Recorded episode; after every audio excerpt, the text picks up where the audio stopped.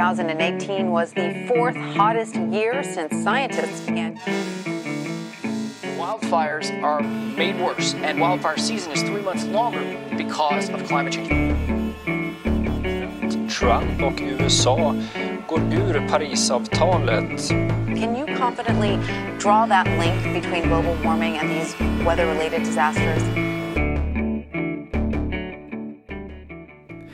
Supervälkomna till ytterligare ett avsnitt av podcasten Planet och politik som handlar då om eh, politik och eh, klimat och miljö. Eh, det är jag som roddar den här podden. Jag heter Lorentz Tovatt, jag är riksdagsledamot och energi och klimatpolitisk talesperson för Miljöpartiet De gröna. Som sagt, kul att ni är med. Idag så har vi ett spännande samtal på gång som är tillsammans med Johan Kylenstierna. Han har eh, jobbat, eh, vad ska man säga, inom skärningspunkten mellan politik och, näringsliv eh, under många år. Inte minst som vd för Stockholm Environment Institute, som ju faktiskt är världens mest inflytelserika tankesmedja inom hållbarhet. Eh, och nu har han gått vidare till att göra lite det ena och det andra, men framförallt så ser vi honom i hans egenskap av att vara vice ordförande i Klimatpolitiska rådet. Eh, en nog så viktig roll. Eh, kul att ni är med, eh, nu kör vi igång.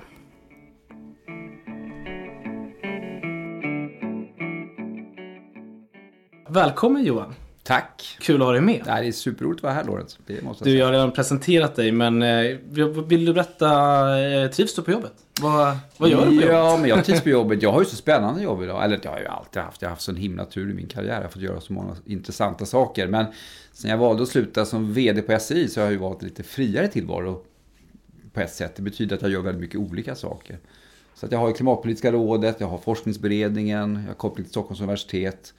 Jag sitter i ett gäng styrelser och sen så driver jag ju faktiskt mitt eget företag också där jag håller på mycket med föreläsningar och sådana saker. Och mitt engagemang på TV4 också. Just det, moderera mycket. Och... En hel del moderering, men framförallt faktiskt gett rätt mycket talar, talaruppdrag nu. Det är ju så, det är ju sånt otroligt stort intresse för ja. klimatfrågan, omställning.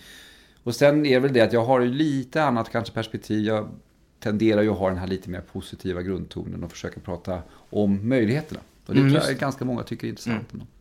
Jag har ändå det som princip för mig själv att jag får aldrig prata om hotet om jag inte först har nämnt möjligheten. Det vet jag att du har och det ja. är väldigt snyggt. Det är därför det är kul att ha dig med ja. i paneler. För att eh, jag vet att du har den dynamiken. Men jag tror att det är bra. Jag tror att det får en att tänka efter. Det är ju inte så att man ska blunda för problemen. Men vi måste ju också framförallt fokusera mm. på hur vi kan lösa problemen. Så det Men jag har läst en del forskning på det här temat som säger just det här med att man, om man bara hör hotet, då blir man nästan lamslagen av skräck. Ja. Alltså att många har den. Och det märker jag också ofta när jag är om, om, runt omkring och, och föreläser och sådär. Att eh, folk kommer fram efteråt och, och tackar för att man nu är det som att jag sitter och skryter här, men, men, men du vet vad jag menar. Ja, jag att, att, här, att, folk liksom är nästan liksom lite sådär Oh, vad skönt. Det är inte bara skit alltid. Nej. Liksom. Nej, men jag har ju lite grann samma sak förstås. Och, och, jag menar, jag tycker också att det är intressant just att det finns mycket forskning som visar trots allt att visst ska man få uppmärksamhet för frågor och man måste vara väldigt tydlig med vad som gäller. Men i förlängningen så är det ju ofta ändå det här med att visa, kan man göra någonting åt ett problem som mm. ändå driver kraften framåt tror jag för mm. många människor. Och inte bara liksom rädslan. TV4-gigget. Ja. Klimatkollen ja. Ja. Kul. Du kommer dit någon, någon gång då och då och pratar om... Ja, alltså snitt någon gång i månaden som jag kör. Och sen så är jag med när de behöver, om det är någon ibland analys, till exempel i samband med klimatförhandlingarna. Det mesta görs ju av deras egna journalister förstås. Jag är ju inte liksom journalist och det är ju väldigt viktigt att påpeka det. Utan, utan jag är där som expert. Eh, klimatkollen är kul därför att jag själv får planera innehåll tillsammans med dem och sen upplägg, grafik. Eh, det ska vara fördjupande, det ska vara lite utbildande.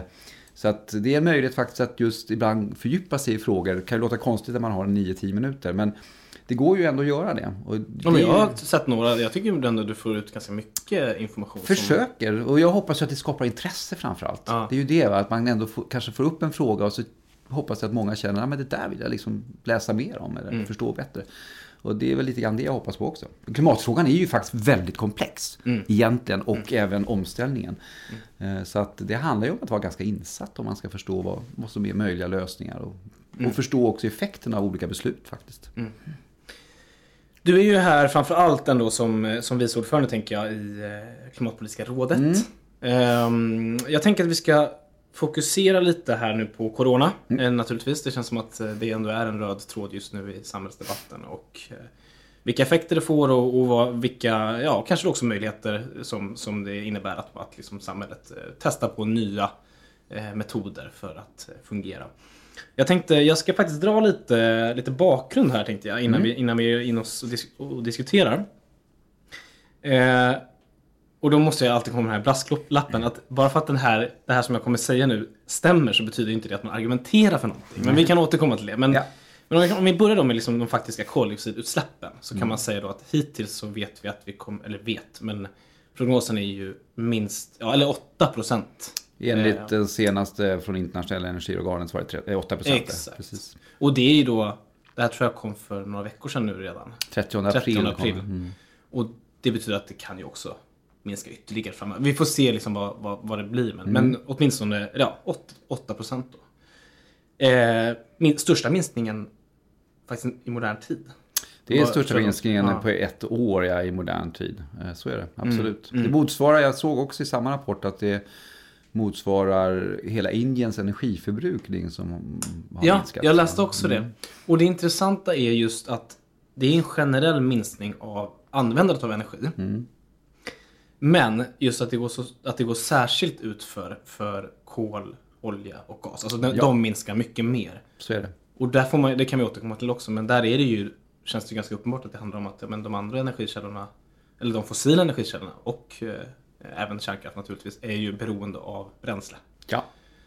Och då, det kostar ju naturligtvis. Bränsle gör det, och, och precis som du säger. Och sen, och sen finns det faktiskt, eh, och det stod jag tror jag det gäller fallet Indien, att det finns ju också i politik eh, en, en, liksom ett tryck på att man i första hand ska använda förnybart. Så när efterfrågan minskar så är det framförallt det, det fossila då som fasas ut. Så att det, jag tror att det är en kombination både av det här med bränslefrågan eh, och att det finns naturligtvis aktiv politik för att verka för omställningen, vilket är ju väldigt positivt. Ja, för det är intressant att de säger att den globala en- energy demand kommer att minska motsvarande hela Indiens energier. Mm. Men att de räknar ändå med en ökning för förnybart Ja, det eh, gör de. under året. Vilket är intressant just att trots den här inbromsningen som det innebär så kommer Mm. det öka. Ja. Jag går vidare här med lite bakgrund. Om man tittar på det som mer handlar om luften så, så finns det en hel del att säga där.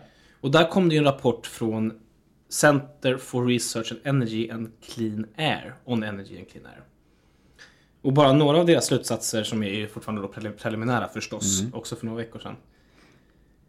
Eh, att man har förhindrat 11 000 förtida, förtida dödsfall. Eh, mi, eh, alltså 1,3 miljoner färre förlorade arbetstimmar till följd av att människor är, det är intressant ändå. Eh, 6 000 färre nya fall av barnastma. Eh, 1 900 undvikna akutbesök på grund av astmaattacker. 600 färre förtidiga, för, förtida födslar. Vilket tydligen är, det visste faktiskt inte ens jag om, Nej, det är en del alltså. som är... Nej. Ja, Intressant. Nej, men det är ju väldigt många sådana här hälsoaspekter som är kopplade till luftföroreningar. Mm. Precis som vattenföroreningar. Och det intressanta är att det finns ju också en hel del förstås diskussioner om också luftföroreningar kan till exempel också vara negativa just för den här typen av infektions och ja, virussjukdomar. precis. För det är också en del av det här att om, om man är utsatt för, om man liksom har bott i ett område med dålig luft, då, då kommer man också vara i en, i en riskgrupp nu då. Precis. Eh, och det här var på Europanivå ska jag säga också. Ja, jag tänkte det, för siffrorna lät låga för att vara globala. Så att eh, jag förstår Ja, att det var Europanivå. Ja, precis. Ja. Så att, ehm, men det är ändå, och det här är ju då också i slutet av april som de här Mm. siffrorna kom. Så det är ju, eh, vi får se vad, det, liksom, vad summan av kardemumman blir i slutändan. Men det är ju ganska så, det är stor skillnad ändå. Det är stor skillnad och jag menar det här är ju ett av de här områdena, exemplen på där jag tror, men man kan inte veta ännu förstås, men där jag tror att det här kommer vara en faktor som driver omställningar framöver. Allt fler inser att nej, men det är ju den här typen av luft vi vill ha.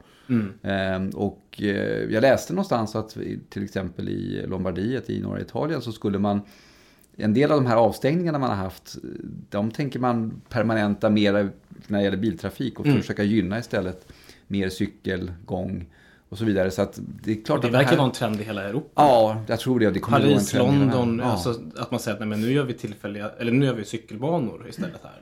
Ja, precis. Man öppnar upp på det därför att man inser att dels att det är bra för människor att röra sig mer, men också därför att man självklart inser att det här med luftföroreningar är ju ett problem som man måste försöka hantera. Så det är ett av alla dessa exempel. Ja, och nu, då återigen ska jag bara säga det då att det här är ju fakta, liksom, det är ju inte ett argument egentligen. Alltså, men så här, det, det måste vara tydligt bara att liksom, det är ju ingen som argumenterar för att vi ska lösa klimat och miljöutmaningarna genom att en fruktansvärd pandemi ska slå till mot världen. Nej. Verkligen inte. Och det är, ju- menar, det är ju helt uppenbart. Däremot kan man väl dra vissa slutsatser och Eh, tänka till lite. Och det är väl därför vi sitter här idag och, och, ska fundera på det.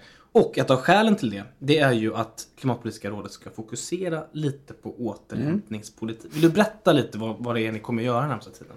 Ja, alltså det är ju så. Vi, vi har ju vårt mandat och det är ju att granska den förda politiken varje år. Det är ju den rapport då som regeringen lämnar i samband med eh, höst, alltså budgetpropositionen.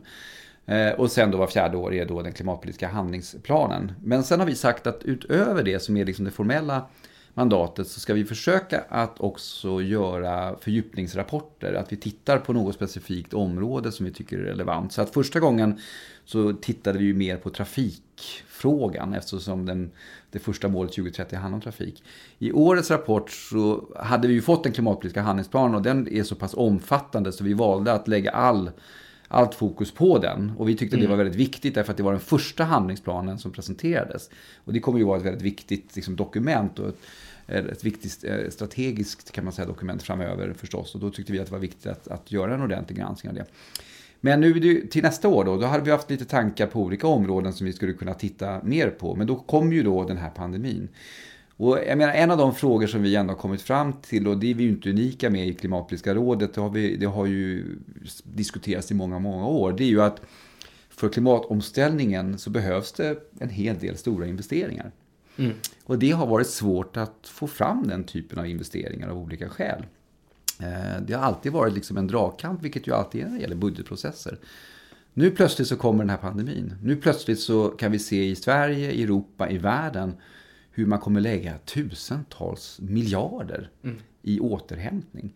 Både i krisstöd, men också för att få igång ekonomier, eh, se till att skapa liksom morgondagens möjligheter, samhällen, se till att inte arbetslösheten stiger för mycket. Och då menar vi att det här är ju väldigt viktigt för oss att titta på, eftersom det här kommer ju prägla politiken väldigt mycket, väldigt länge framöver.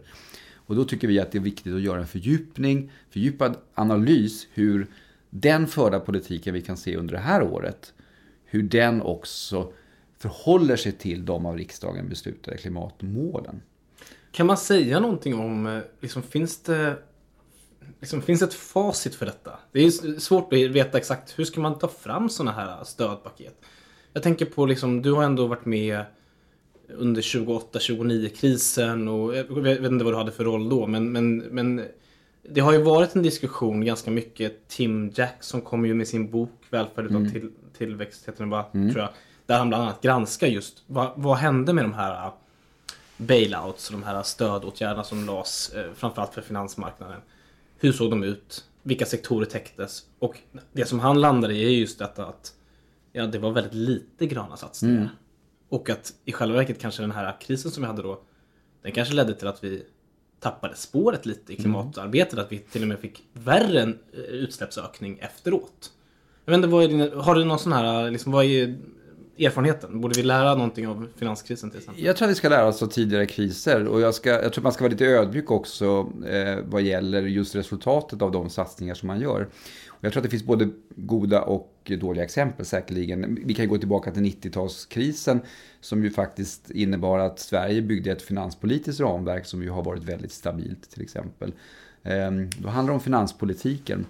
Eh, går vi tillbaka till 70-talet, då hade vi en oljekris, en energikris. Och det ledde faktiskt till den snabbaste omställningen vi har haft i Sverige. Visserligen till kärnkraft väldigt mycket, men trots allt. Alltså stora offentliga investeringar för att komma bort från det beroende vi hade till fossila bränslen. Så att det kan vi också lära oss ifrån. Och det pekar vi på ofta på i rådet, vi ska inte glömma bort det. du har rätt va, 2008-2009, då, det var liksom första gången som vi på något sätt upplevde att det här var en möjlighet för en större omställning. I linje också med då eh, klimatambitionerna. Och det var ju därför att, det var ingen slump just då, därför att det var, vi var ju på väg mot Köpenhamnsmötet 2009 då, som skulle ers, där man skulle komma fram till ett avtal som skulle ersätta Kyotoprotokollet. Eh, och det var mycket diskussion kring klimatfrågan, behovet av omställning. Då hade vi ju, alltså i början av 90-talet så var klimatfrågan där, men man såg inte krisen. Men det gjorde man ju då, man började se den 2008-2009. FNs klimatpanel hade varit väldigt tydlig i sina rapporter. Eh, man lyckades, alltså man lyckades ju inte få det här till gröna investeringar. Nej. Men jag tror att man ska vara lite ödmjuk trots allt. Därför att det, vi saknade också rätt mycket förutsättningarna då. Mm. Näringslivet var inte alls med på spelplanen. Utan tvärtom så var det, fanns det ju verkligen den gamla retoriken. Man var rädd för, för hög arbetslöshet, man var rädd för att, att många företag skulle, skulle gå omkull. Företagens retorik var vi behöver stöd, liksom. vi behöver, det är det som är viktiga. Vi kan inte ta på oss ytterligare miljökrav. Eh, politiken kom ju också från finanskrisen och var rädd för den typen av, av eh, högre, högre kostnader. Nicolas Stern som argumenterade för att det är dyrt med omställning men det, bara, det blir ännu dyrare om vi väntar. Mm. Så det är ingen positiv retorik i det heller egentligen. Och i, i Köpenhamn så pratar man ju mycket om att vi måste dela på bördorna, vi måste dela på kostnaderna för omställningen. Just. Och det var, en av grundgrejerna där var ju också att förnybar energi var fortfarande väldigt dyrt. Mm. Alltså tittar man på prisutvecklingen så var ju sol och vind enormt mycket dyrare än det fossila. Så att viljan någonstans Vilket det verkligen inte är nu. Nej, alltså nu... och det är det. Nu finns pusselbitarna. Det är det här som är så intressant. Alltså tio år senare så har vi en helt annan omvärld. Vi har pusselbitarna vad gäller förnybar energi det är konkurrenskraftigt. Det är verkligen det som på många sätt konkurrerar ut det fossila idag. Som gör att det är svårt idag att, att argumentera för ny oljeexploatering till exempel. För att man kan peka på att det kommer aldrig bli lönsamt. Därför att det förnybara, förnybara idag pressar priserna, håller tillbaka, eh, håller ner priserna även för det fossila. Vi har ett näringsliv som definitivt är med på den här spelplanen. Som stenhårt också tittar framåt 2030-2040. Som sätter science-based targets. Och vi har ändå en, en väldigt bred förankring inom politiken. Inte överallt, det finns olika syn på mm. exakt hur och vad man ska göra, det vet ju du. Du Men, ler här medan du säger det här. Ja, jag, det, alltså, jag, jag, jag, tycker man ska ha en politisk debatt, det är, ju, det är ju det som demokrati handlar om. Men det finns ändå på många sätt på, i svensk Europanivå och internationellt en, en ganska, ganska bred samstämmighet mm. om att det här är liksom nu vägarna framåt. Det är det, vi, bygger, det inte, vi räddar inte bara klimatet, vi bygger framtiden och morgondagens mm. energisystem för, för välfärd och tillväxt. Mm. Så oavsett vilken vinkel du har mm. så finns för, liksom, är förutsättningarna där idag. Så att vi kan lära oss av kriserna förr, men vi får inte glömma också att omständigheterna ser helt annorlunda ut idag än vad de gjorde då. Och jag tror faktiskt, alltså, jag som då, det här tror jag att jag har debatterat i någon, någon annan del av den här podden, att eh, jag som då ändå är någon typ av person som skapar debatt och sådär. Jag, jag brukar jag också inse det då och då, att, eller jag vet ju att just för att vi har en bred överenskommelse om, om de stora penseldragen. Alltså, vi har ju miljömålsberedningen och vi har den här stabila mm. grunden att stå på i Sveriges riksdag.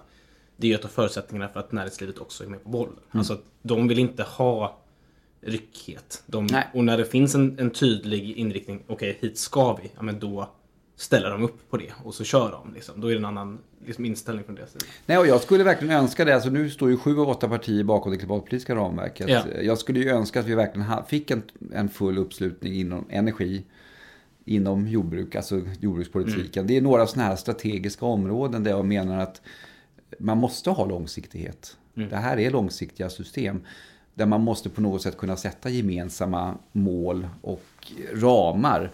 Och sen kan det ju självklart handla om eh, politik när det kommer till skatter och, mm. och, den typen av frågor. Vad är liksom de bästa styrmedlen och så vidare. Mm. Men jag tror att det är väldigt värdefullt att det finns. Det klimatpolitiska ramverket är ju unikt på många sätt. Men det är intressant när man, när man är ute internationellt och pratar om det här finns ju mer och mer klimatlagar och den typen av frågor. Mm. Det man faktiskt ofta fascineras över i andra länder när man beskriver det svenska arbetssättet, det är ju inte minst att det finns en samstämmighet mellan politik och näringslivet. Att man har en dialog. Så att fossilfritt Sverige och den typen, alltså det, det, det är på många sätt ganska unikt. Ja, exakt. För nu, eh, nu vet jag exakt hur det har, har utvecklats i, i Storbritannien, men där var ju just ett av skälen till den breda samsyn som fanns kring deras klimatlag var ju att näringslivet och facken var med på banan, om jag minns det rätt. Jag tror att det var så och det tror jag är en förutsättning. Och det fanns liksom en, en, en, en gemensam vilja kring långsiktighet. Ja.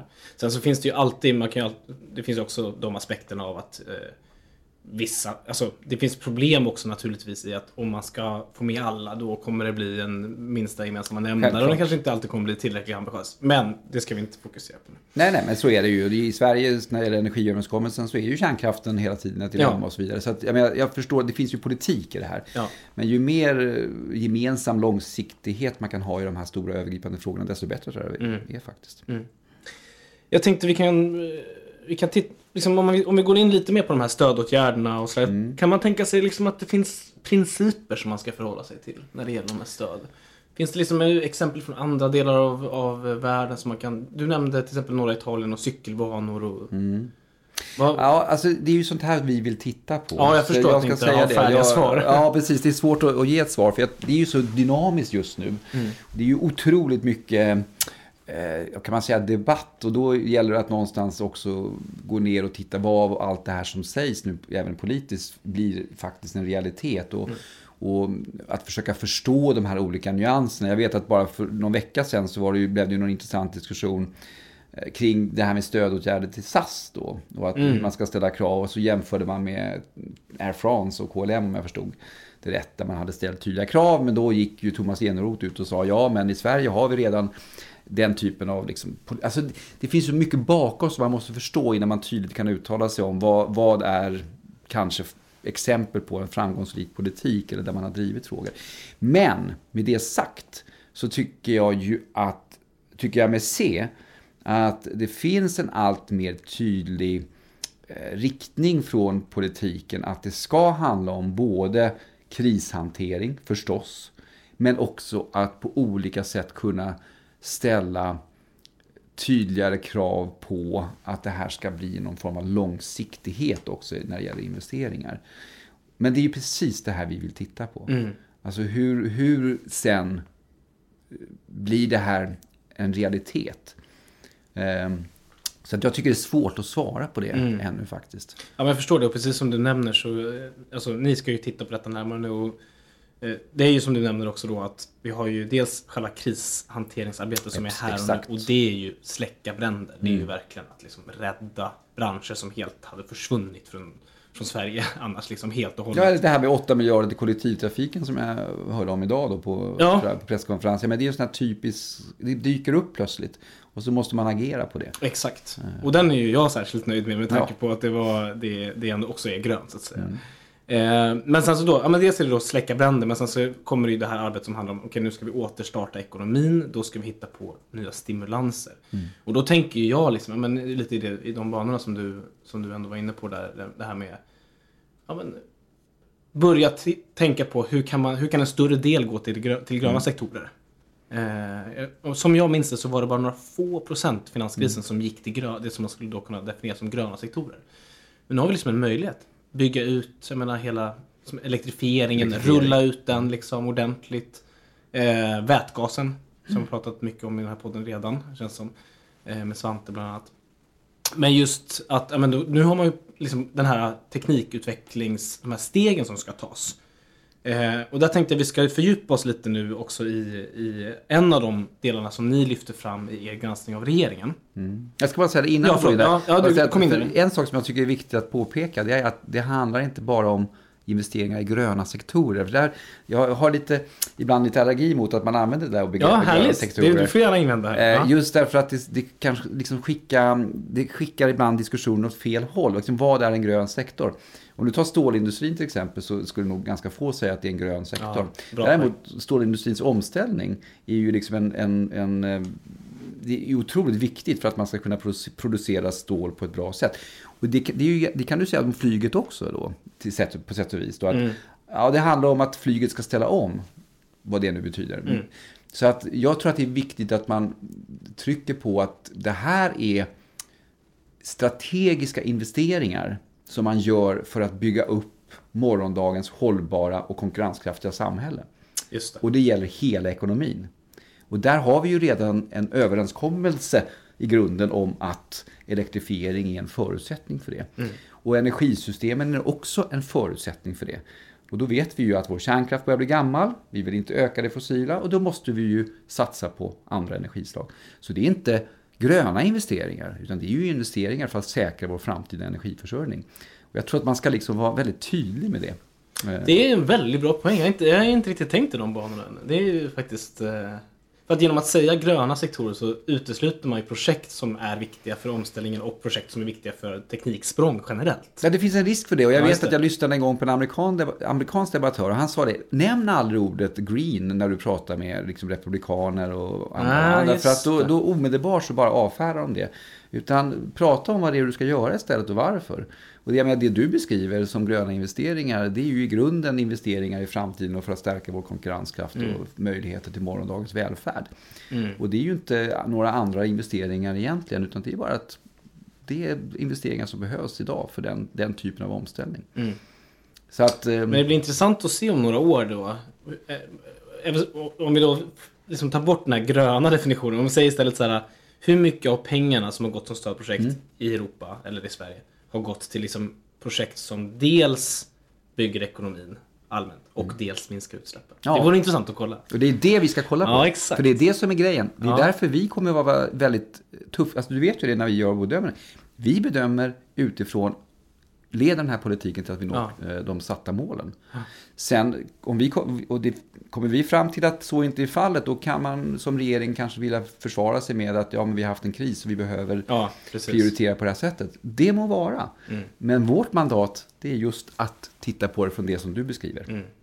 Och då hoppas ju vi genom att vi nu tydligt säger att det är det här vi vill göra, att, att man tänker på det när man nu fattar beslut. Därför att det finns möjligheter att kombinera. Och det är ju det som hela, hela European Green Deal, den gröna given, bygger ju exakt på detta.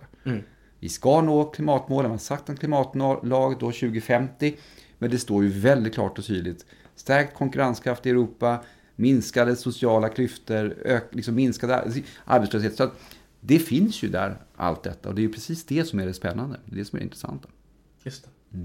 Men om vi tar Ja. en, en, en liten del här och fördjupar oss i som jag tänkt, eh, som jag vet att ni har ändå lyft fram det som en utvecklings Ett område som är viktigt. Ja. Mm. En, liksom ett område som ni vill, vill att regeringen ska ha koll på framöver och jobba vidare med.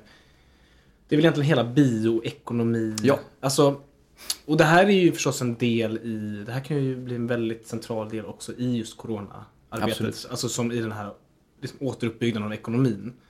Att vi satsar på det gröna guldet eh, Mm. på olika sätt. Vad, vad, är, vad ledde er fram till att peka ut bioekonomi som en sån sektor som ni vill att regeringen ska fortsätta jobba vidare med? par parametrar som ligger till grund för att vi tycker att det här är viktigt. Att man lägger mer alltså, krut på helt enkelt, prioriterar mer.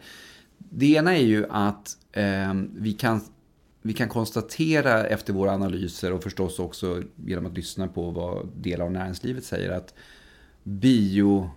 biomassa och biodrivmedel är en viktig komponent för omställningen. Eh, Huruvida det är långsiktigt eller inte, det är en annan sak egentligen. Men, har, men om man om vi tänker oss en elektrifiering till exempel av tunga, den tunga transporterna. Så är det ganska tydligt att i deras strategier så är ju ändå biodrivmedel en del av den övergången till vad som sen kanske blir då elektrifiering. Och då, så det, hur man än vrider och vänder på det så är den typen av resurser en väldigt viktig del i den planerade omställningen. Och då måste man förstå hur den försörjningen kan eller ska se ut. Alltså vad har man för strategier, vad har man för planer, vad har man för politik? Därför att den kan leda till väldigt många olika lösningar.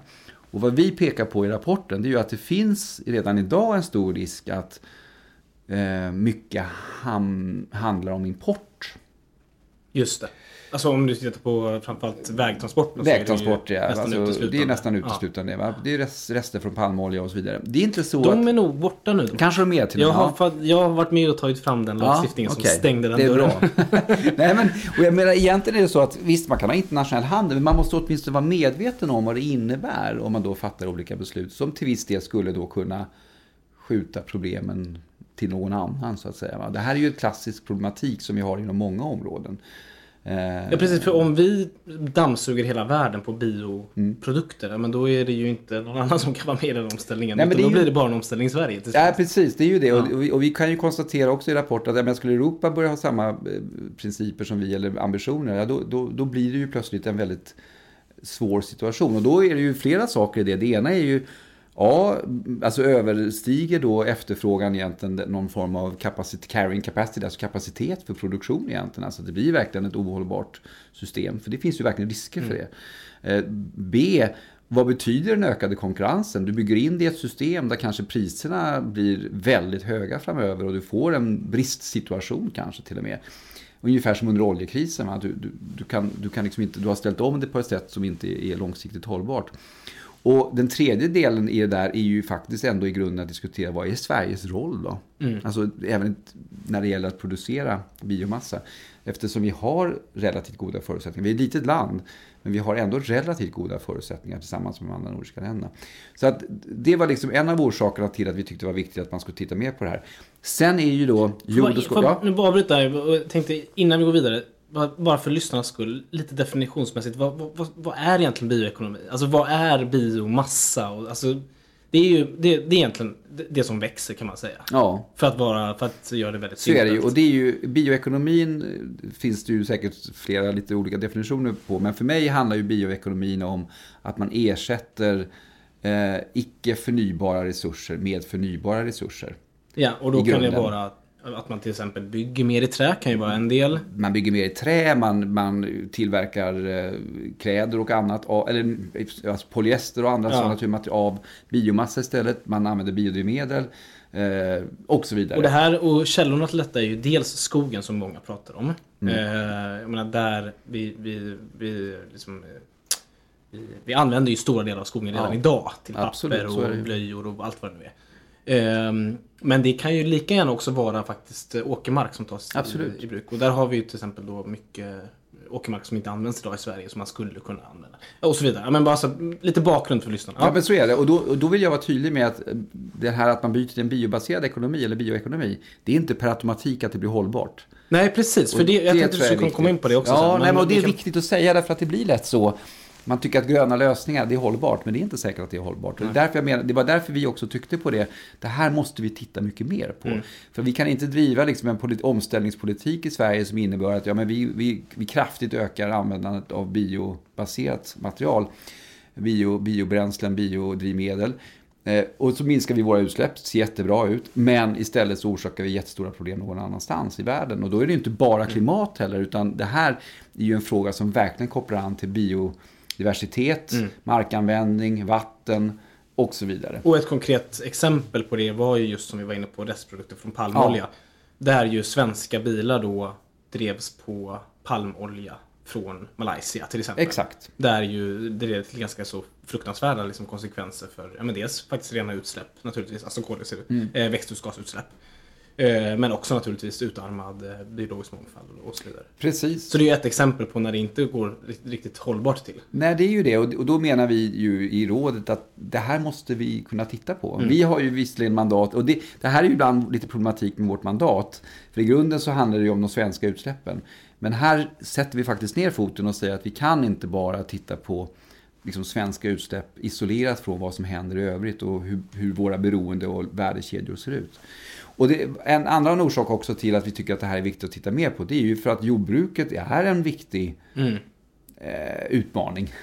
alltså det är ju en källa till utsläpp. Eh, men samtidigt så är det också den sektor som vi också har pekat på i vår första rapport, rapport där omställningen är svårast.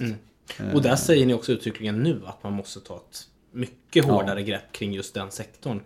Vilket, det var kanske en av de mest skarpa kri- kritiken som ni förde fram.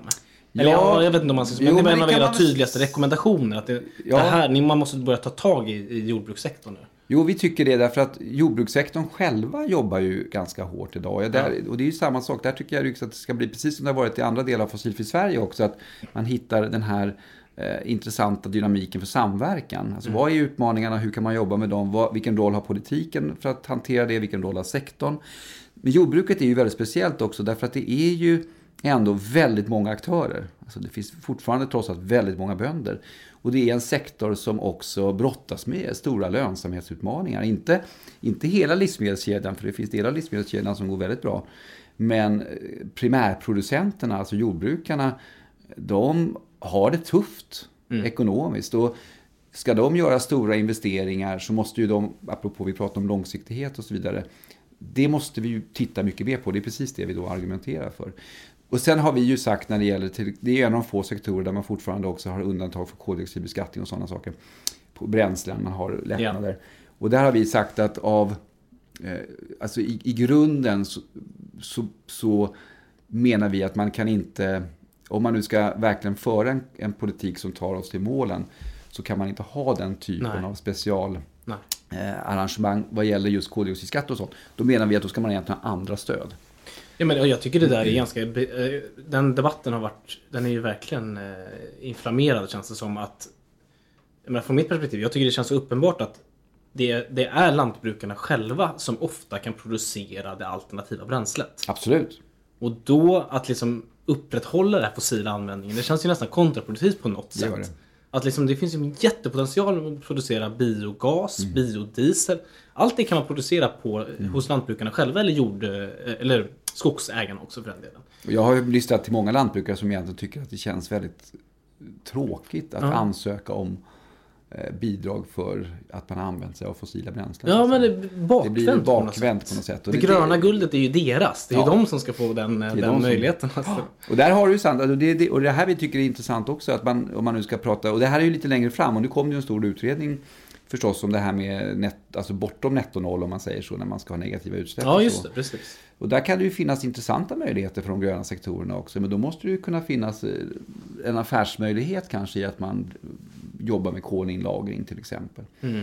För, för annars är ju i grunden den här typen av ekosystemtjänst som ju kolinlagring betyder.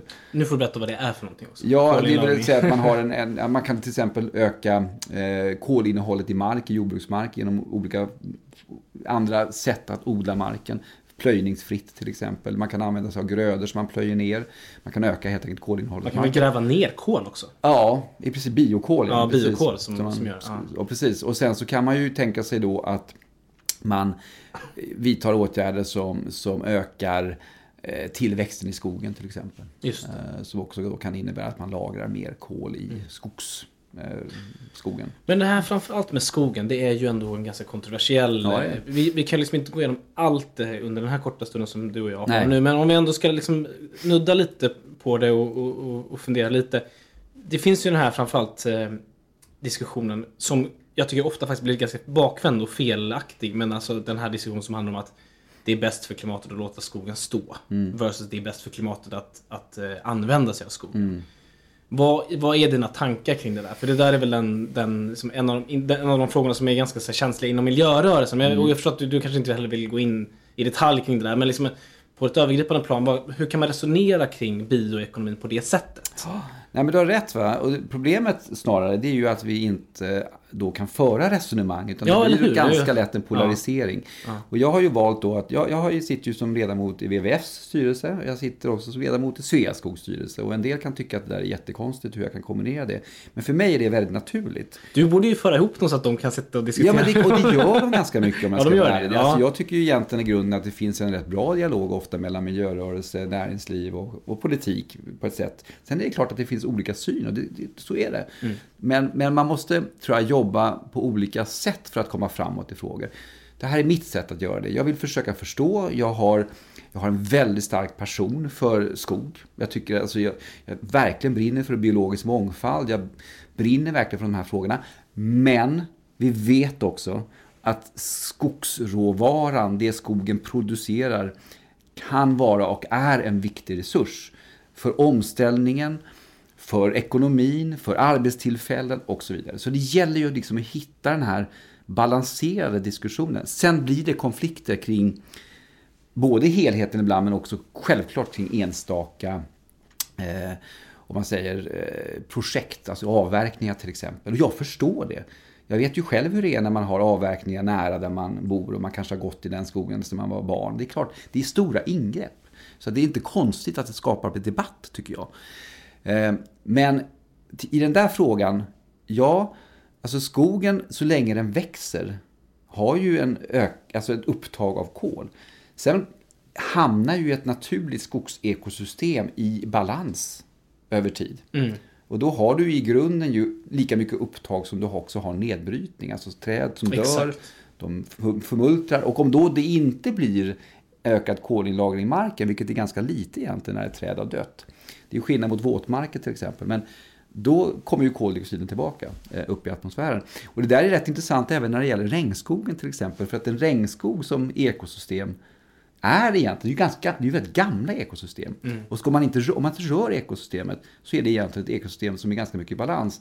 Man tar Det är klimatneutralt. Ja, det är Eller det är klimatneutralt. det man kan säga. Ja, det är det man kan säga. Det är klimatneutralt.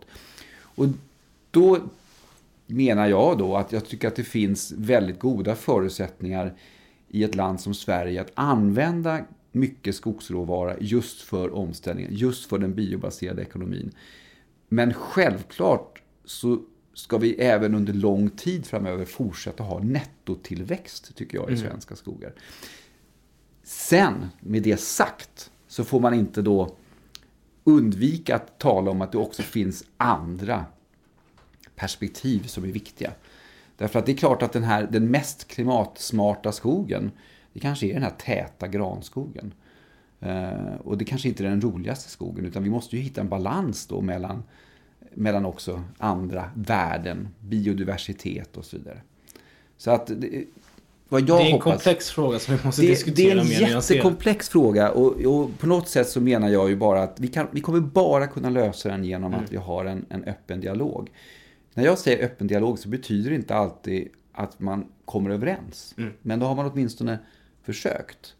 Eh, Och jag tror att en, en hårdare polarisering kommer inte leda oss framåt. Men det är inte alla som håller med mig. Jag tycker att det är intressant. eh, men jag, alltså, jag har massa tankar om detta åt, åt massa olika håll. Och jag är väl inte alltid den bästa vännen av, av bioekonomin, eh, eller biodrivmedlet som sådant. Och, men, men jag tror också att den har en viktig del i omställningen. Om den Så används på rätt liksom sätt. Används på rätt brasklappat. sätt. Ja men exakt, Ja, så precis det. så. Om den används på. Men det jag ofta har svårt att svälja det är just precis, men lite det som du är inne att, att man liksom avfärdar direkt. Eh, och inte minst så tycker jag att man inte har läst på om sin historia. Nej. Därför att bioekonomin har ju redan som det är idag fasat ut det fossila i, i så gott som hela värmesektorn i Sverige. Och dessutom en väldigt stor del av industrin. Och det är inte många som vet det. Och Nej. om man räknar ihop industrin och värmen och räknar ihop det, hur många terawattimmar liksom biodrivmedel eller bio, bioenergi går in i de sektorerna. Så är det många gånger mer än om vi skulle gå över till det 100% inom transporterna. Ja. Och därför så tycker jag att man måste fundera, om man, om man är väldigt mycket emot att vi använder bio, biodrivmedel, då måste man nog ställa sig själv frågan, okej, men ska vi i så fall kanske fokusera lite på att elektrifiera industrin i större utsträckning? Ska vi fokusera på att elektrifiera ehm, värmesektorn i större utsträckning? Det är lite så jag tänker, att, man, att vi kan liksom inte tänka att vi ska sluta använda bio. Nej. Tvärtom, om man ska tänka liksom effektivisering här, då ska man nog fundera på, ja, men kanske man kan flytta en del av produktionen Exakt. från värme till transporter. För det vi vet, och det, det som jag också tycker är, är, inte kommer fram i debatten för att den är så pass onyanserad, det är att det är självklart så att en terawattimme bio är bättre än en terawattimme olja. Och det måste ju ändå, det, så är det ju bara. Och det tycker inte jag liksom... Nej, just därför att du har ju också Eller ja, möjligheter. det, och beroende på vad det är för Jo, bio. men det är klart. Men, men, ja. grejen är att du har ju också, sen kan man säga så här, men du har också väldigt olika möjligheter att ta ut den där terawattimmen bio på olika, alltså på olika sätt. Ja. Så att den får olika, du får olika negativa, typ, alltså typer av negativa konsekvenser som du kan minimera på olika sätt. Ja. Och det handlar precis om det du säger. Det handlar om att vara väldigt pragmatisk, att förstå att vi kanske måste styra om användningen. Vi ska använda biomassa på ett effektivt sätt. Rätt ofta så handlar det om restprodukter eh, som används då för nya ändamål som vi kanske tidigare knappast kunde ens tänka oss att vi skulle använda biomassa till. Så att Det kan jag bli också helt galen på de som inte förstår skillnaden också mellan vanliga biodrivmedel och biogas. För att biogasen där är det också... Avfall och mycket. Där har du ju en sån superklimatnytta. Mm. Och då hör jag folk som säger att men förbränningsmotorn är per definition fel dum. Liksom. Men så men vänta nu, om, om du stoppar in biogas i en förbränningsmotor och du tar vara på alla liksom andra restflöden från det här, från det här som har liksom eh, förgas, eller rö, eh, det här som har rötts då. Rötts, säger man så? Ja, rö- Röt, rö- ja, det som har rötits. Jag vet inte. Då har du ju en superklimatnytta. Mm. Eh, och det är liksom det, det är de där nyanserna som inte kommer fram riktigt. Nej, jag håller med. Sen, alltså, vi, och vi var ju lite, vi ändrade ju just eh, i vår första rapport. Vi sa att man, vi tycker att man ska utreda möjligheten till förbud av fossila bränslen och inte förbränningsmotorn. För faktum Ja. var att det var förbränningsmotorn som stod ju från början. Ja, det står ju två formuleringar. ja. Vi kämpade ju intensivt för att få med just förbud av fossila bränslen som den viktigaste grejen. Men det fick vi inte helt stöd för utan det blev ju... Eh, ja, nu ska jag inte politisera den här diskussionen men, men, det, men det, ja, det finns båda formuleringarna med. Jag men den som handlar om fossila... Eh, de, den som handlar om bensin och dieselbilar är ju liksom skarpare i sin formulering. så så det. ja, ja, Men det är klart att eh, förbränningsmotorn, även om det går på bio, har ju, du har ju utmaningar med andra luftföroreningar. Eh, Ja, precis. Och det måste man ju hantera. Å andra sidan så är det ju så att eh, alltså, elektrifieringen och allt det som krävs där är ju inte utan miljöproblem heller. Man, så man får liksom inte glömma bort det. Nej. Eh, förstås. Alla de här sakerna, det är ju inte så att vi går från ett system som har bara problem till ett system som inte har några problem alls. Mm. Utan vi har, självklart kommer vi fortsatt ha utmaningar som vi måste hantera. Mm. Och det är bara tillbaka till din ursprungsfråga. När det just gäller den biobaserade ekonomin som vi ser är under uppsegling ännu mer, där det finns just den här typen av frågor, så exakt det du ställer frågan. Mm. Ja, men ska man styra om kanske? Därför menar vi att det är en fråga som kommer vara viktig att, att eh, man tittar mer på framöver. Gud vad spännande. Och då ska vi försöka runda av med lite på den tonen. Men, men vi, innan vi ska göra det ska vi titta så ska vi fundera just på detta som jag var inne på. Det här med styra. Alltså nu ska inte politiken styra allt förstås. Det ska inte vara så att vi har någon form av planekonomi framöver. Men det här som jag nämnde att ja, men vi har haft det i värmesektorn, vi har haft det i industrin. Vi kommer vilja ha kvar det till viss utsträckning inom båda de områdena. Men om vi tittar nu framöver så vet vi att ja, men det, går, det går ganska snabbt nu framöver på, inom vägtransporterna. Eh, sjöfarten finns i bakgrunden. Flyget finns i bakgrunden. Vad, vad är din spaning kring framtiden för bio, bioenergin? Alltså kan man tänka sig ändå att här har den en väldigt bra effektiv användningsområde? Eller vad, vad är din tanke där? Jo, men det skulle nog vara min best bet också. Att I första hand så tror jag det handlar om just de här eh, tunga transporterna som är svåra att ställa om eh, på kort sikt till elektrifiering till exempel. För nu går det ju väldigt snabbt med elektrifiering på just de kort, eller på Ja. personbils... Det gör det. Och det kommer säkert mycket till kort, alltså mindre lastbilar.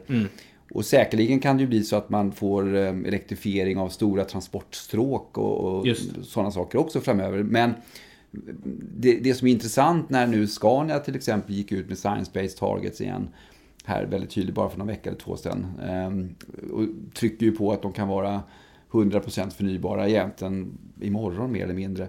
De bygger ju väldigt mycket på att det ska finnas olika typer av biodrivmedel, åtminstone under en överskådlig tid så att säga.